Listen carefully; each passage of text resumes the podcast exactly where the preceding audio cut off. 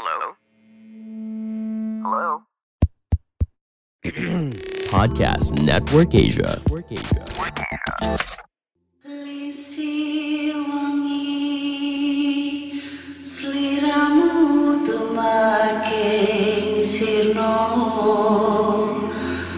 Ojo tangi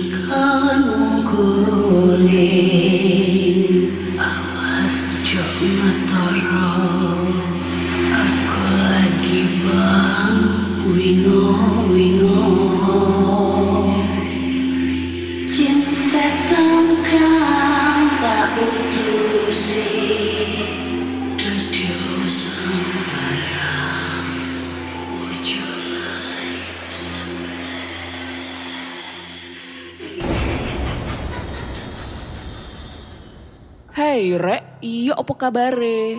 Ketemu lagi dengan aku si Ana di podcast kisah horor.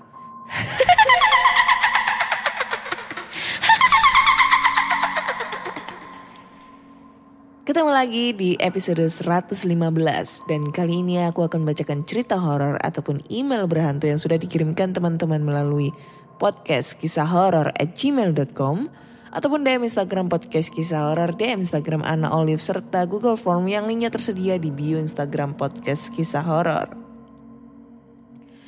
Oke, gimana kabar kalian? Pastinya sehat-sehat selalu ya, aku doain. Dan jaga kesehatan juga ya, ini udah mulai masuk pancaroba, udah mulai masuk penghujan tapi masih ada panas-panasnya ya. Jadi hawanya itu bikin orang sakit, bikin orang flu, demam, batuk dan lain-lain. Seperti sekarang batukku masih belum sembuh-sembuh. Mau vaksin juga belum bisa, belum vaksin sama sekali bro. Mau masuk mall itu harus vaksin dulu baru bisa masuk mall. Kan peraturannya sekarang tambah aneh-aneh gitu loh. Terus eh, mau klarifikasi juga kalau kemarin ada yang nge-DM katanya di episode 114 cerita pertama itu udah pernah dibawain. Tapi setelah aku cek-cek sampai episode 113 sampai episode 1 tuh nggak ada yang cerita sama gitu loh. Mungkin ya eh, openingnya atau mungkin pembukaannya itu sama kali ya kalau ceritanya sama gitu loh. Jadi apa ya kelihatannya tuh kayak udah pernah aku bacain karena pastinya ini belum lah. Aku yakin banget ini belum. Dan kali ini aku akan bacakan cerita-cerita yang fresh, yang pastinya serem. Kalau ada yang serem ya, kalau nggak ada yang serem ya mohon maaf. Ini kan cerita dari teman-teman semua pendengar podcast kisah horor. Jadi mau serem nggak serem tetap aku bacain dan nggak pernah aku eh ini dulu ya. Apa ya ibaratnya tuh kalau kita dapat email itu aku baca dulu, aku telaah dulu, ibarat aku koreksi dulu, aku nggak pernah. Jadi email masuk, langsung bacain pada waktu record, biar gregetnya itu ada, horornya itu ada, biar kita tuh terbawa di suasana, mau horor mau enggak, mau komedi, kita udah kebawa gitu loh, biar nggak apa ya, ya biar ada yang lain gitu, setuju nggak? Iya. Dan langsung aja kita baca cerita pertama. Cerita pertama datang dari email Ntar buka email dulu. Haha. Cerita pertama ini datang dari ini dia. Rio Anjay namanya Rio bro Rio Nantarisa Nama emailnya Rio anjay Berasa kayak mengingat nama masa lalu ya Yang sampai sekarang masih dipertahanin untuk menjadi masa depan Tapi nggak tahu dianya mau apa enggak Jadi curcol bro. Hehe Oke. Assalamualaikum Min. Nama saya Kiki. Nama emailnya Rio. Di sini saya ingin menceritakan kisah horor saya waktu kelas 2 SMA dulu. Waktu itu aku naik ke kelas 2 SMA. Di sekolahku kebetulan sudah dibangun gedung baru dan kelasku adalah salah satu yang beruntung menempatinya. Tapi bangunan baru itu agak sedikit horor. Sisi kiri bangunan sekolah itu hanya terhalang pagar bambu ada sebuah pemakaman umum dengan banyak pohon besar dan rimbun. Jadi kalau aku menoleh ke jendela yang berada di sisi kiri, maka terdapat pemandangan jajaran makam yang banyak. Itu sebenarnya aku sedikit tidak menyukainya. Beruntung bangkuku ada di dekat jendela di sisi kanan. Jadi aku tak banyak melihat ke arah sana. Sisi kanan aku bisa melihat lapangan sekolahku. Singkat cerita, suatu hari ada kelas bebas. Ada pensi atau pentas kesenian yang membuat semua siswa tak perlu mengikuti pelajaran hari itu. Tentu saja kami senang. Semua anak laki-laki sontak berlari keluar, baik yang menonton pensi ataupun ke kantin untuk makan. Sedangkan kebanyakan siswa perempuan kebanyakan ada di dalam kelas. Kami tak terlalu tertarik pada pensi karena memang sering diadakan. Jadi kami mungkin bosan. Ya, setidaknya itu pikiranku saat itu. Waktu itu kebetulan kami baru selesai memenangkan lomba menghias kelas pada Agustusan. Kelas kami diwarnai biru langit dan di dinding dilukis air terjun besar yang cantik. Sontak banyak anak perempuan yang mengambil foto di dalam kelas. Sedang aku sendiri lebih memilih memakan coklat di tanganku karena lapar. aku yang sedang makan seketika terkejut saat mendengar ada yang menjerit. Ternyata Asal jeritan itu dari sebelahku. Karena mejaku ada di belakang. Makanya aku cukup dekat dengan lukisan air terjun di dinding. Anak perempuan semuanya segera berkumpul, termasuk aku. Siswa perempuan yang menjerit itu dikerubungi dan dia pun menunjukkan ponselnya pada kami. Aku ikut mendekat dan melihat layar ponsel itu. Awalnya tak ada yang aneh. Ada lima siswa perempuan berfoto dengan senyum di bibir mereka. Tapi siswa perempuan yang menjerit itu tiba-tiba berkata sambil menunjuk ke sudut foto di layar ponsel. Lihat ini, ada seseorang terfoto. Padahal jelas, eh, padahal jelas saat aku mengambil foto, sudut itu nggak ada orang. Aku ikut mengamati foto di layar ponsel bersama yang lain dan akhirnya menemukan keanehannya. Di sekolahku semua siswa perempuan memakai kerudung, baju lengan panjang dan rok panjang. Jarang sekali yang memakai baju lengan pendek dan rok pendek. Lagi pula di kelas kami tak ada siswa perempuan seperti itu.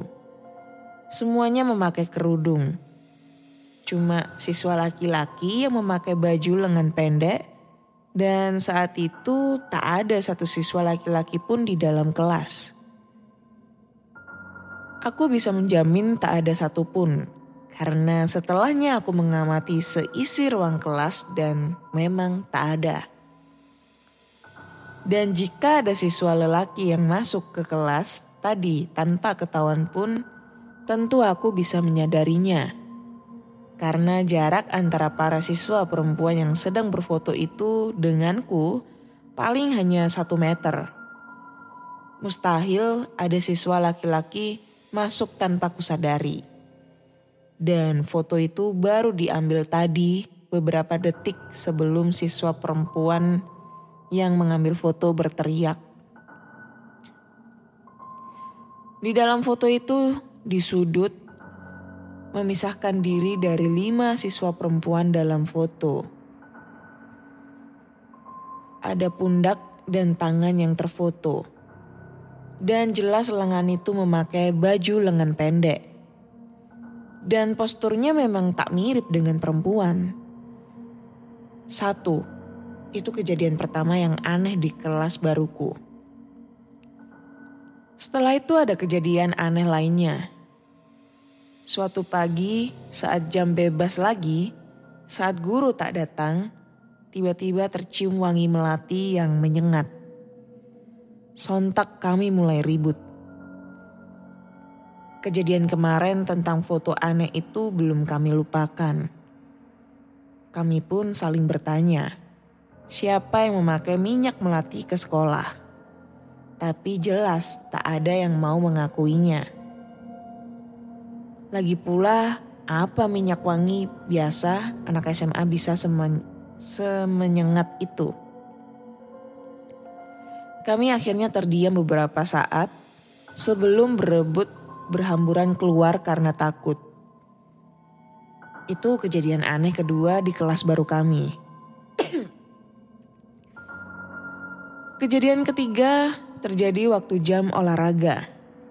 Kami yang capek masuk ke dalam kelas, tapi kebanyakan masih banyak yang di luar. Aku dan kedua temanku duduk sambil mengobrol dan sebut saja dua temanku itu Mira dan Ana. Hah? Gue dong. Pertama Mira yang mendengar sesuatu seperti gerakan seorang pria dewasa dengan suara yang berat. Lalu baru aku dan Ana. Kami bertiga saling bertukar pandangan dan menghentikan obrolan kami. Kami ber, eh, kami bertiga mencoba konsentrasi, berharap pendengaran kami yang salah. Tapi suara gerakan itu semakin keras. Tidak cuma dua kali, tapi berkali-kali. Semua siswa dalam kelas juga mendengarnya. Dan untuk kesekian kali, kami berhamburan keluar lagi karena takut. Kami baru berani masuk kelas saat guru datang dan memarahi kami untuk masuk dan memulai pelajaran berikutnya. Setelahnya, beruntung tak ada kejadian aneh lagi. Sampai di suatu pagi aku mendengar gosip. Beberapa waktu lalu, tak jauh dari sekolah, kami, eh di sekolah kami, ada sebuah kecelakaan terjadi.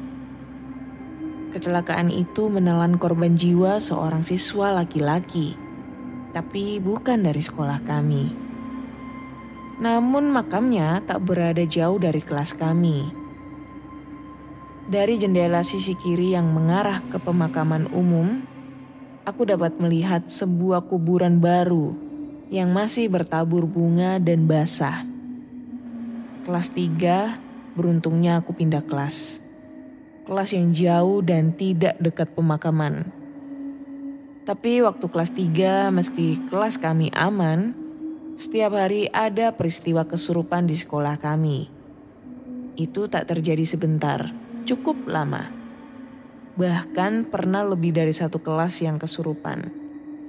Sekian ceritakan, sekian ceritanya tentang sekolahku.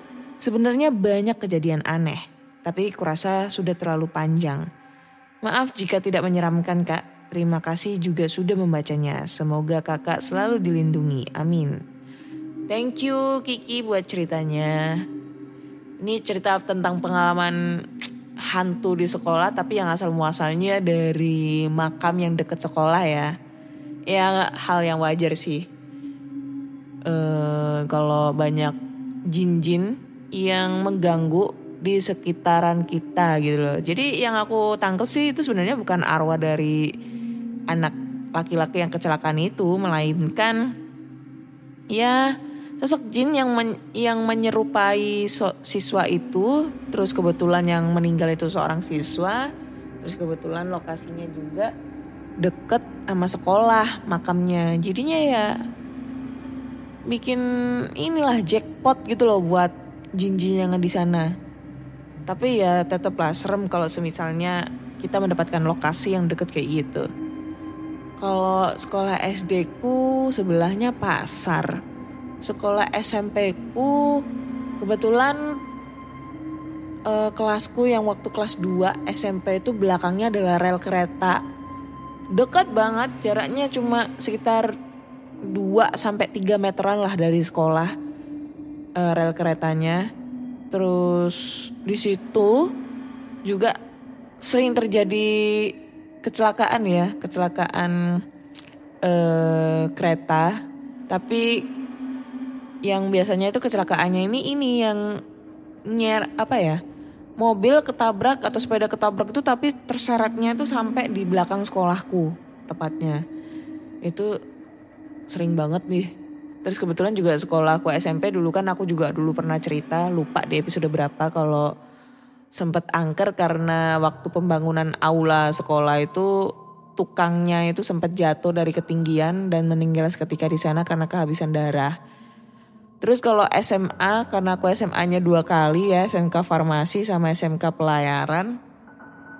Kalau farmasi ini banyak banget nih kejadian horornya termasuk dulu yang pernah aku cerita kalau di sekolahku tuh sempet serem banget karena ada kadaver di situ. Kalau kalian tahu kadaver itu tempat buat penyimpanan jenazah untuk praktek-praktek gitu alat anak-anak kedokteran.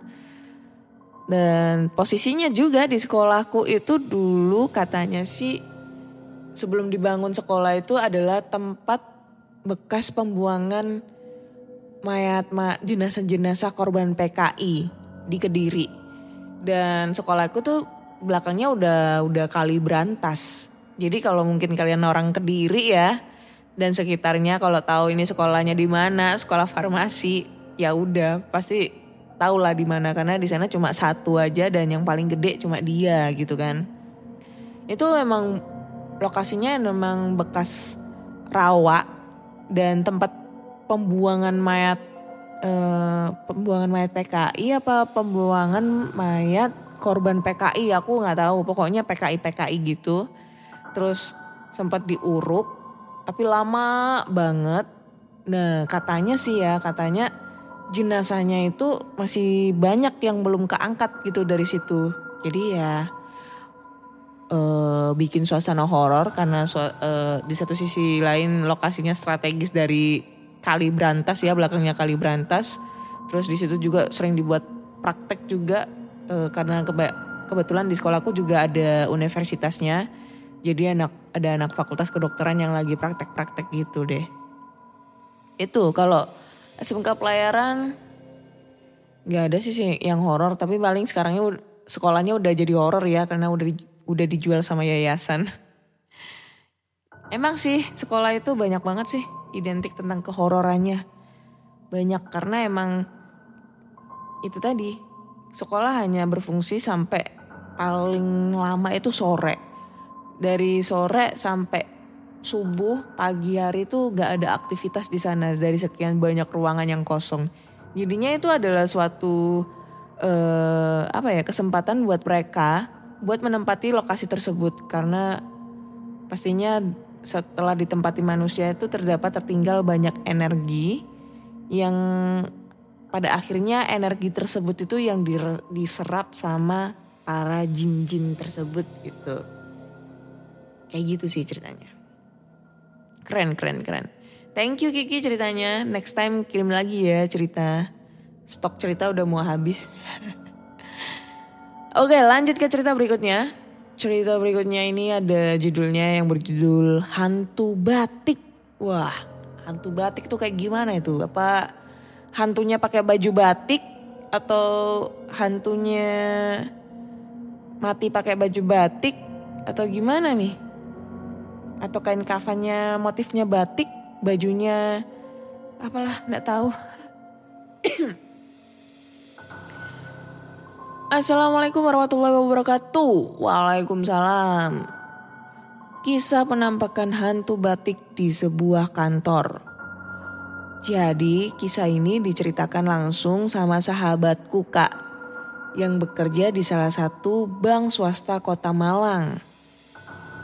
Nah sebut saja namanya Rani.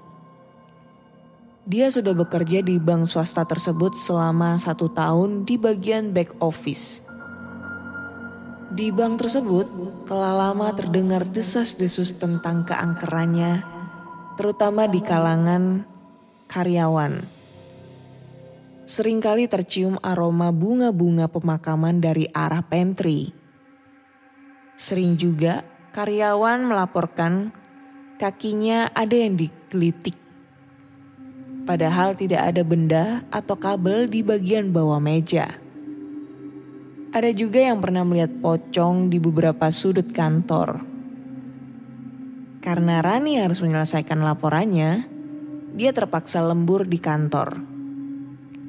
Sebenarnya dia takut, tetapi karena Rani harus men eh, tetapi pekerjaannya menunggu untuk diselesaikan sebelum akhir pekan. Dengan sedikit keberanian, Rani menyelesaikan tugasnya seorang diri di lantai tiga.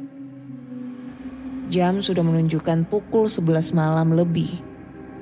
Rani hampir menyelesaikan tugasnya. Seperti kebanyakan kantor, hari Jumat adalah hari batik. Bank tempat Rani bekerja membebaskan karyawannya untuk memakai batik motif apa saja yang tidak seragam. Saat itu Rani agak kaget saat melihat seorang wanita muda berada di sebelah ruangannya yang hanya dibatasi dinding kaca. Wanita itu menunduk sambil membereskan kertas-kertas di atas meja. Namun wajahnya tidak terlihat. Yang membuat bulu kuduk berdiri, Rani tidak pernah tahu. Anjir. Anjir.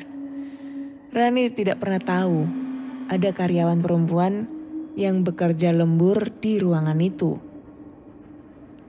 Ketakutan Rani semakin menjadi saat melihat baju batik yang dipakai wanita itu sama persis dengan miliknya. Hanya saja, wanita itu menggulung rambutnya dengan sebuah tusuk konde yang terlihat sangat kuno. Padahal baju batik itu Rani jahit dengan model yang dirancang sendiri. Bagaimana mungkin wanita yang tidak terlihat wajahnya itu memakai batik dengan model yang sama persis dengan yang ia punya? Aroma bunga yang menyengat mulai tercium. Aroma khas bunga pemakaman, yaitu bunga tujuh rupa. Tanpa menunggu, Rani langsung meninggalkan ruangan dan turun ke bawah menuju pos satpam. Di sana dia menceritakan kejadian yang dialaminya di lantai tiga. Wah, tadi saya cek keliling. Yang kerja di lantai tiga cuma Mbak Rani doang, ujar Satpam. Tapi biasanya memang gitu mbak. Kalau ada yang lembur sendirian, suka ditemenin sama yang nunggu di lantai tiga. Perempuan seumuran Mbak Rani gini, lanjutnya. Tanpa berlama-lama lagi, Rani segera mengambil sepeda motornya dan bergegas pulang ke rumah. Dia tidak berani lagi naik ke lantai tiga untuk menyelesaikan tugasnya sendirian. Entah siapa wanita berbaju batik itu, mungkin memang makhluk halus penunggu kantor. Berhati-hati ya kak, jika kakak sedang lembur di kantor. Jangan sampai ada makhluk lain yang menemani kamu di sana. Oke, okay, thank you buat ceritanya. Ini serem abis sumpah gila. Emang sih nggak nggak begitu merinding buat aku, cuma ini tuh kayak apa ya? Uh, hampir dialami oleh semua orang pekerja kantoran yang mengalami lembur di kantor sendirian dan ini tuh pernah aku alamin. Cuma bedanya aku aku nggak ini ya gak ditampakin sosoknya. Mungkin cuma suara-suara aja gitu loh. Secara uh, dulu kan aku kerja di sebuah bengkel karoseri gitu ya. Bengkelnya gede luas. Jadi ruanganku itu cuma ruangan biasalah ruangan ruangannya itu depannya be pokoknya ini ruangan depannya itu udah area bengkel dan dindingnya itu dari kaca. Jadi kelihatan gitu loh uh, kalau kita mondar mandir gitu dari luar. Dan gue pernah ngalamin kayak gini gitu, cuma ya itu tadi bedanya aku cuma diliatin suara, apa ya didengerin cuma suara-suara doang. Jadi dulu aku pernah lembur di kantorku yang lama di mana? Di kantor karoseri yang pertama ya di daerah Krian. Itu gara-gara aku mau resign. Jadi aku mau resign nih. Terus kerjaanku tuh kan banyak banget tuh yang belum selesai. Karena ya kendala servernya error mau nggak mau harus manual. Dan itu numpuk banget. Banyak banget ada 100 lebih 200 lebih SPK yang harus aku kerjain kan. Dan mau nggak mau aku tuh aku harus lembur sampai jam setengah 12 malam jam 11 malam lah aku belain pokoknya pulang nyampe rumah itu jam 12 kurang karena emang jaraknya jauh banget sob. Rumahku dari rumahku ke tempat kerja itu sekitar 26 kilo gitu kan Surabaya ke Krian cuy. Dan itu naik motor. Kebayang dong terpaksanya aku harus ke sana eh, lembur terus balik keadaan tengah malam dan yang aku takutin adalah begal waktu itu bukan setan. Nah kejadiannya itu waktu itu aku lembur di ruangan produksi eh, untuk ngecek-ngecek eh, SPK yang punya aku sama SPK-nya punya kepala produksi gitu kan Terus kebetulan hari itu sih hari hari Jumat ya karena Kamis itu kebanyakan orang-orang nggak mau lembur kan kadang itu kan ada tukang-tukang yang masih lembur untuk deadline unitnya harus selesai. Terus waktu itu kebetulan ada yang lembur cuma sama jam 10 jam 10 malam. Akhirnya aku di situ tinggal sendirian karena emang waktuku cuma tinggal seminggu lagi buat resign gitu kan. Nah, aku tuh lagi asik-asiknya ngerjain laporan, ngerjain eh, ngecek-ngecek di SPK sambil dengerin musik gitu kan. Nah, terus musiknya aku gedein volumenya. Biasanya kan aku pakai headset karena emang lagi sendirian aku gedein eh, biar kayak kelihatan rame banget gitu loh. Nah, posisinya security itu ada di depan, pos depan gitu. Jadi biasanya dia kalau mau mondar-mandir kalau mau ke toilet aja dia mondar-mandir. Nah, pas waktu lagi ngerjain, itu kebetulan toiletnya itu ada di depan ruangannya, eh, di samping ruangannya produksi. Jadi kalau ada orang mau ke toilet itu pasti lewat depan pintunya, kita ngeliat gitu. Aku lagi ngerjain, set, lagi dengerin lagunya Sheila Seven itu kan. Tiba-tiba tuh ada yang lewat gitu. Masuk ke dalam kamar mandi. Kamar mandi ditutup, jebret gitu kan.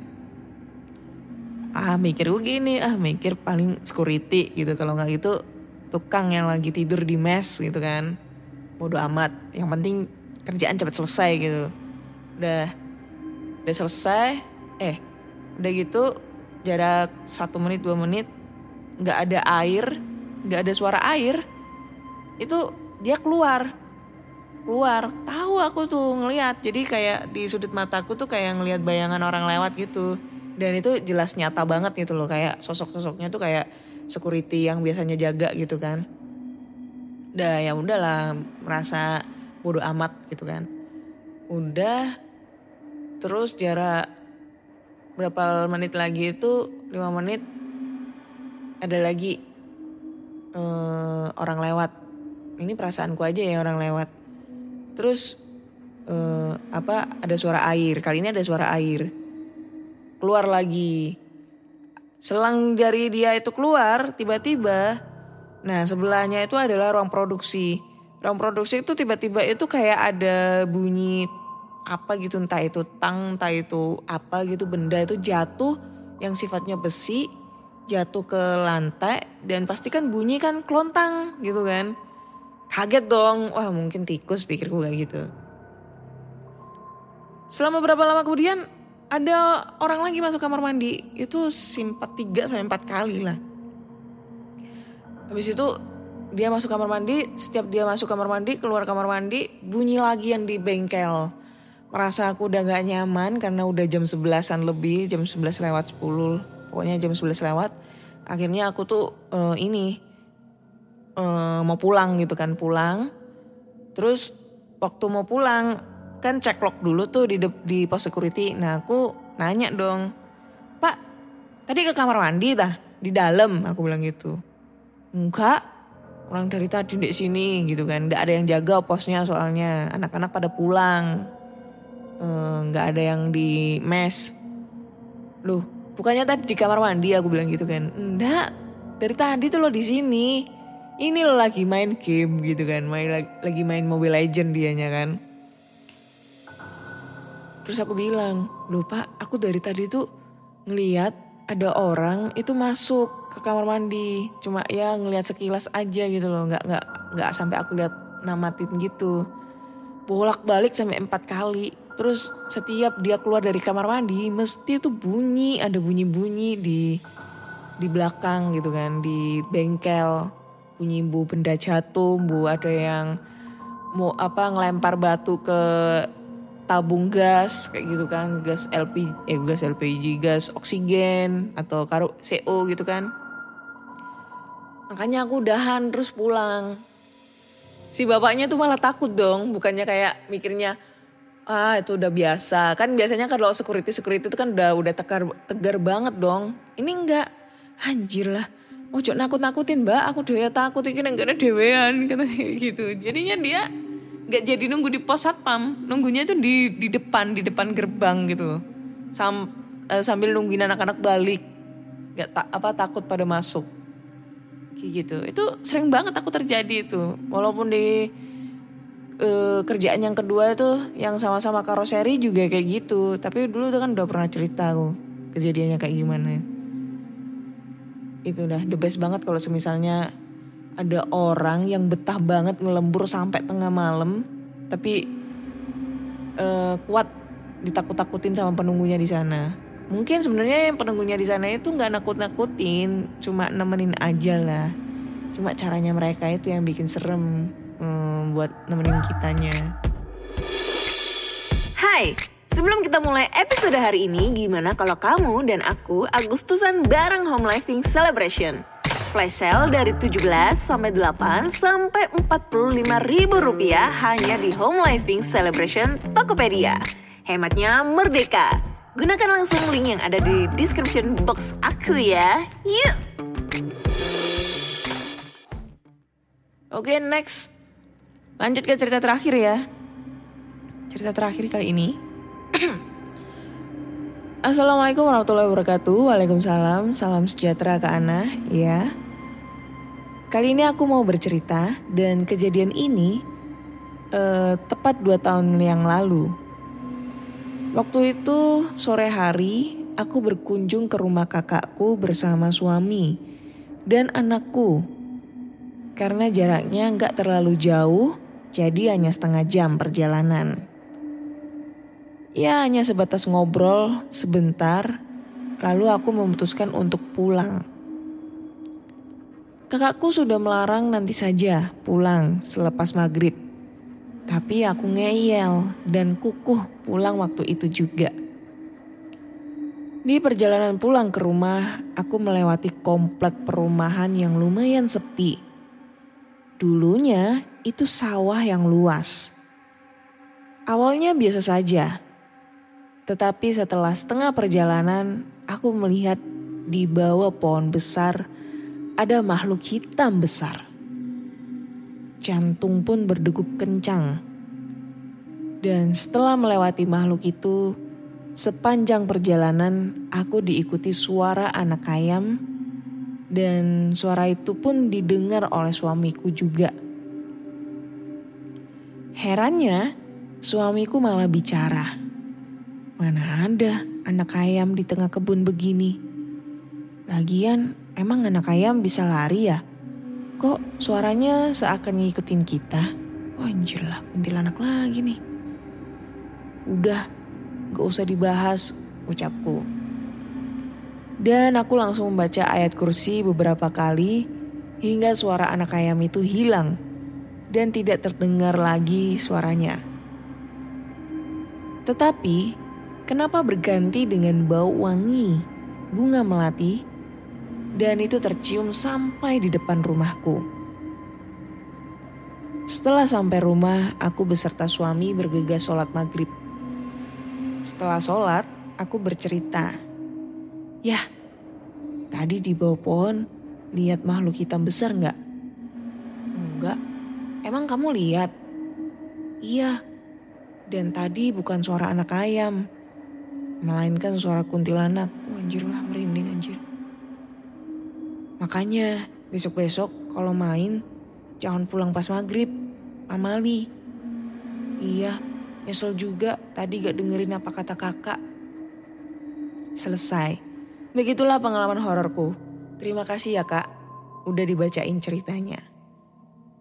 Thank you, thank you banget. Ini episode kemarin cerita tentang anak ayam, sekarang juga anak ayam. Emang anak ayam itu the best banget kalau bikin orang merinding ya. Tiba-tiba itu kayak punggung itu rasanya merinding banget. Gila. Tapi emang bener sih ya kalau kita misalnya ya ini emang emang udah kayaknya turun temurun atau ya udah ibaratnya itu menjadi sebuah eh, harus gitu loh harus dilakukan karena biasanya kalau kalau kita lagi berpergian dan posisinya maksudnya mau berangkat mau berangkat berpergian dan posisinya mas eh, udah maghrib udah azan ya diusahakan kita berhenti sejenak nunggu sampai azannya selesai atau enggak kita sholat dulu sampai sampai selesai baru kita berangkat. Itu katanya sih pamali ya karena satu bisa diikutin setan dua juga ya bisa terjadi sesuatu bencana lah kalau seandainya kita berangkat kayak gitu. Mungkin kecelakaan dan lain-lain kayak gitu. Dan ini sih sering juga ya karena banyak banget sih cerita-cerita sebelumnya. Itu yang ceritanya tentang eh, anak kecil yang masih main-main di luar eh, sampai maghrib yang ujung-ujungnya diculik sama wewek gombel, diculik sama genderuwo, diculik sama kuntilanak. Dan itu emang terjadi gitu loh dan banyak banget yang udah cerita. Jadi ya itu tadi buat kalian semua kalau misalnya mau berangkat berpergian entah itu mau pulang kerja entah itu mau pulang sekolah, kuliah atau mau mungkin mau pergi diusahakan pas azan maghrib, entah azan maghrib, isya atau apa pun itu nggak usah langsung berangkat, tapi nunggu sampai azannya selesai minimal. Kalau nggak gitu kita sholat dulu baru berangkat, biar kita tuh dalam perjalanan selamat sampai tujuan, kayak gitu. Dan itu tadi anak ayam selalu yang bikin merinding karena eh apa ya? Ya itu tadi. Kalau seandainya di kamarku ini terdengar suara anak ayam itu mustahil banget karena aku nggak memelihara anak ayam, adanya anak kucing. Dan kucing itu bunyinya nggak cit cit cit, melainkan ngeong ngeong ngeong mulu kan. Gak mungkin kan kalau misalnya ada cit cit cit ternyata itu kucing aku. Eh, kucing aku kesurupan anak ayam kali ya. Kayak gitu deh. Oke deh, kayaknya udah udah cukup dulu ceritanya. Ceritanya udah lumayan, ya episode kali ini lumayan serem-serem ya. Dari cerita pertama, kedua, ketiga, the best banget. Yang the best itu juga itu tadi hantu batik itu. Hantu, hantu batik. Judulnya hantu batik eh di bank. Hantu batik bank. Hantu bank batik. Apaan? Lupa. Ya gitulah pokoknya. Jadi so buat kalian semua yang pengen kirim-kirim cerita horor ataupun email berantu, eh, kalian bisa langsung aja kirim aja ke podcast kisah horor at, at gmail.com ataupun DM Instagram podcast kisah horor serta Google Form yang linknya tersedia di bio Instagram podcast kisah horor. Terus jangan lupa follow Instagramnya podcast kisah horor, didukung supaya followersnya banyak, supaya bisa swipe up swipe up gitu loh. Kalau misalnya ada episode baru, jadi kalian nggak usah ngeliat-ngeliat eh, ngeliat dulu di story, terus keluar Instagram, abis itu buka Spotify ya kan, ribet. Mending kalian follow terus, dukung terus sampai followersnya 10 ribu. Abis itu kalau ada episode baru, baru deh gue bikin story, linknya disertain di story, kalian tinggal swipe up aja udah masuk Spotify. Simple kan? Terus jangan lupa follow juga podcast kisah horor di Spotify agar kalian selalu update cerita-cerita horor terbaru. Akhir kata saya Ana undur diri dulu. Mohon maaf jika ada kata-kata yang salah di cerita kali ini. Dan nantikan cerita-cerita horor menarik di episode mendatang. Bye-bye. Pandangan dan opini yang disampaikan oleh kreator podcast, host, dan tamu tidak mencerminkan kebijakan resmi dan bagian dari podcast Network Asia. Setiap konten yang disampaikan mereka di dalam podcast adalah opini mereka sendiri dan tidak bermaksud untuk merugikan agama, grup etnik, perkumpulan, organisasi, perusahaan, perorangan, atau siapa pun dan apa pun.